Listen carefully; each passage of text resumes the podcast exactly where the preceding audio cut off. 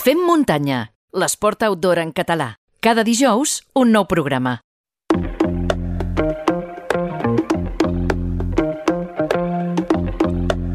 I avui, per segon programa, tornem a entrar a la nostra particular biblioteca. És el moment de posar la segona pedra de la nostra particular muntanya de llibres.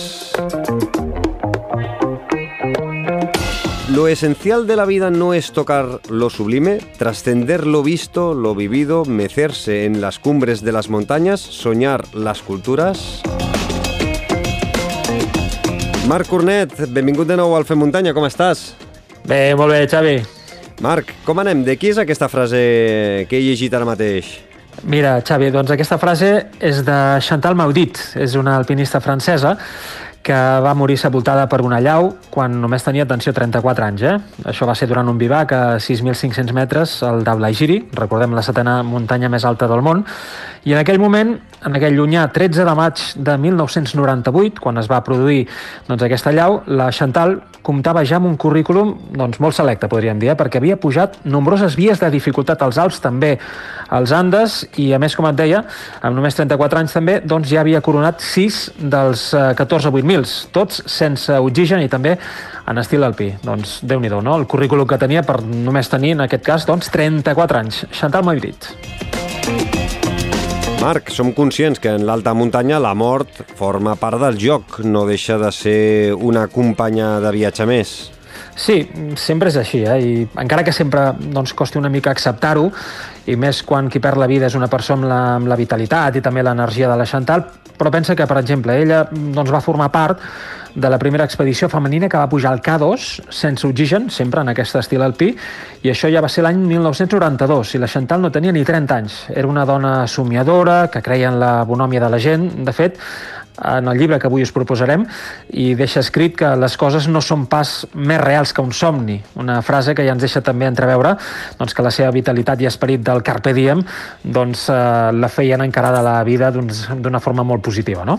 Una vitalitat que la Chantal Maudit va plasmar en el seu únic llibre publicat, no? Sí, ens hem quedat una mica amb les ganes perquè va morir tan jove que només va poder publicar un llibre i totes les seves corolles i també la forma de veure la vida les podem trobar al llibre que recomanem avui, eh? Vivir en el Paraíso, una obra mestra dels amants de la muntanya, de l'alpinisme i també de la literatura de muntanya, editat en castellà per Desnivel Ediciones, a banda de narrar les seves ascensions i també els seus viatges a l'Himàlaia, la Patagònia, el Marroc o fins i tot a l'Antàrtida, doncs la Chantal ens deixa també veure la gran narrativa i la capacitat per descriure emocions que, que ella tenia. És un llibre que va més enllà de la muntanya també i ens permet doncs, conèixer-la molt ben bella. No? Eh, és una obra, un llibre ple de vivències i ple d'emocions privilegiades. Per exemple, quan les condicions es revelen extremes, doncs la Chantal parla als seus peus. Quan en una plataforma a 5.000 metres d'alçada es creua amb una altra expedició, no dubta a gaudir de la festa i ballar durant tota la nit. Escalant recita, per exemple, a tall de mantres, poemes de Rilke o també de Pablo Neruda. Fins als 7.000 metres, escolta, atenció, música, ja sigui rock, jazz, fado o també música barroca. Per sobre dels 8.000, només el Messias de Händel. Soc com tothom, deia ella, va declarar de fet una vegada durant una entrevista periodística i persegueixo la felicitat i la muntanya respon a la meva recerca. Xavi, ja saps que jo no sóc un amant dels tatuatges, però si mai doncs, eh, hagués de traspassar la meva pell amb algun tipus de tinta, uh -huh. aquesta darrera frase, eh? persegueixo la felicitat i la muntanya respon a la meva recerca, ja et dic jo que seria el tatuatge que també em definiria quanta raó que tenia la Chantal. I tant, per tant, pel que em dius, eh, Marc, Vivir en el paraíso no és un simple llibre on l'autora relata les seves proeses a la muntanya. No, i potser per això és una obra especial, no? aquest Vivir en el Paraíso. Per a mi, de fet, és una de les obres ineludibles dins la literatura de muntanya, perquè la muntanya no està feta només d'ascensions, de, de, de proeses, sinó que també hi podem doncs, entreteixir música, poesia, literatura, i tot amanit també amb les emocions, els sentiments, les percepcions de les persones que puguin formar part d'aquest camí que és eh, la natura, no? la muntanya. Tot plegat, a més també amb la calor de l'esforç humà i de l'amistat. És els que ens fa bategar doncs, eh, la lectura d'aquest llibre de la Chantal Moirit. I a la seva prosa intel·ligent, sensible i profunda, doncs, evidentment també ens farà emocionar. El que fa ella és escriure, ho relata així, eh? diu, escriu els seus records abans que aquests passin a no sé, és a dir, abans que doncs, passin a l'oblit, ella escriu aquests records per deixar doncs, eh, constància del, del que viu i del que va fer en aquest cas durant els seus 34 anys de vida. Doncs eh, ja ho sabeu, Vivir en el paraíso de Chantal Maudit, editat eh, per Desnivell. Deixarem l'enllaç eh, d'aquest llibre a les notes del programa per si el voleu llegir, el voleu comprar. Per cert, Mart, abans d'acomiadar-te, eh, em sembla que d'aquí 15 dies tindrem regals eh, pels nostres oients, és així, no?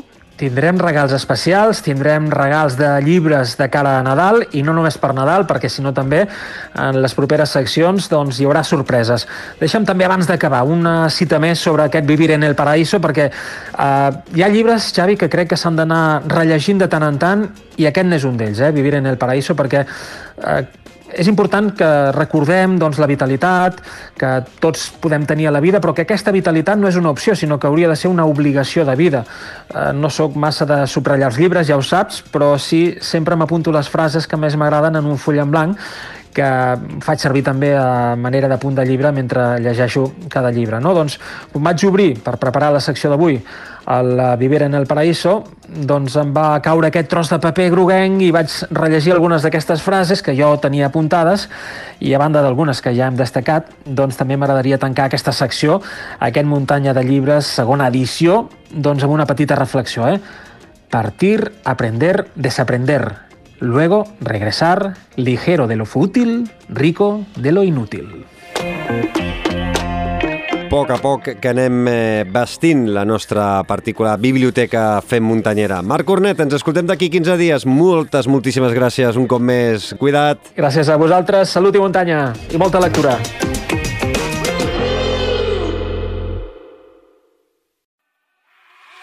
Visita la nostra web femmuntanya.cat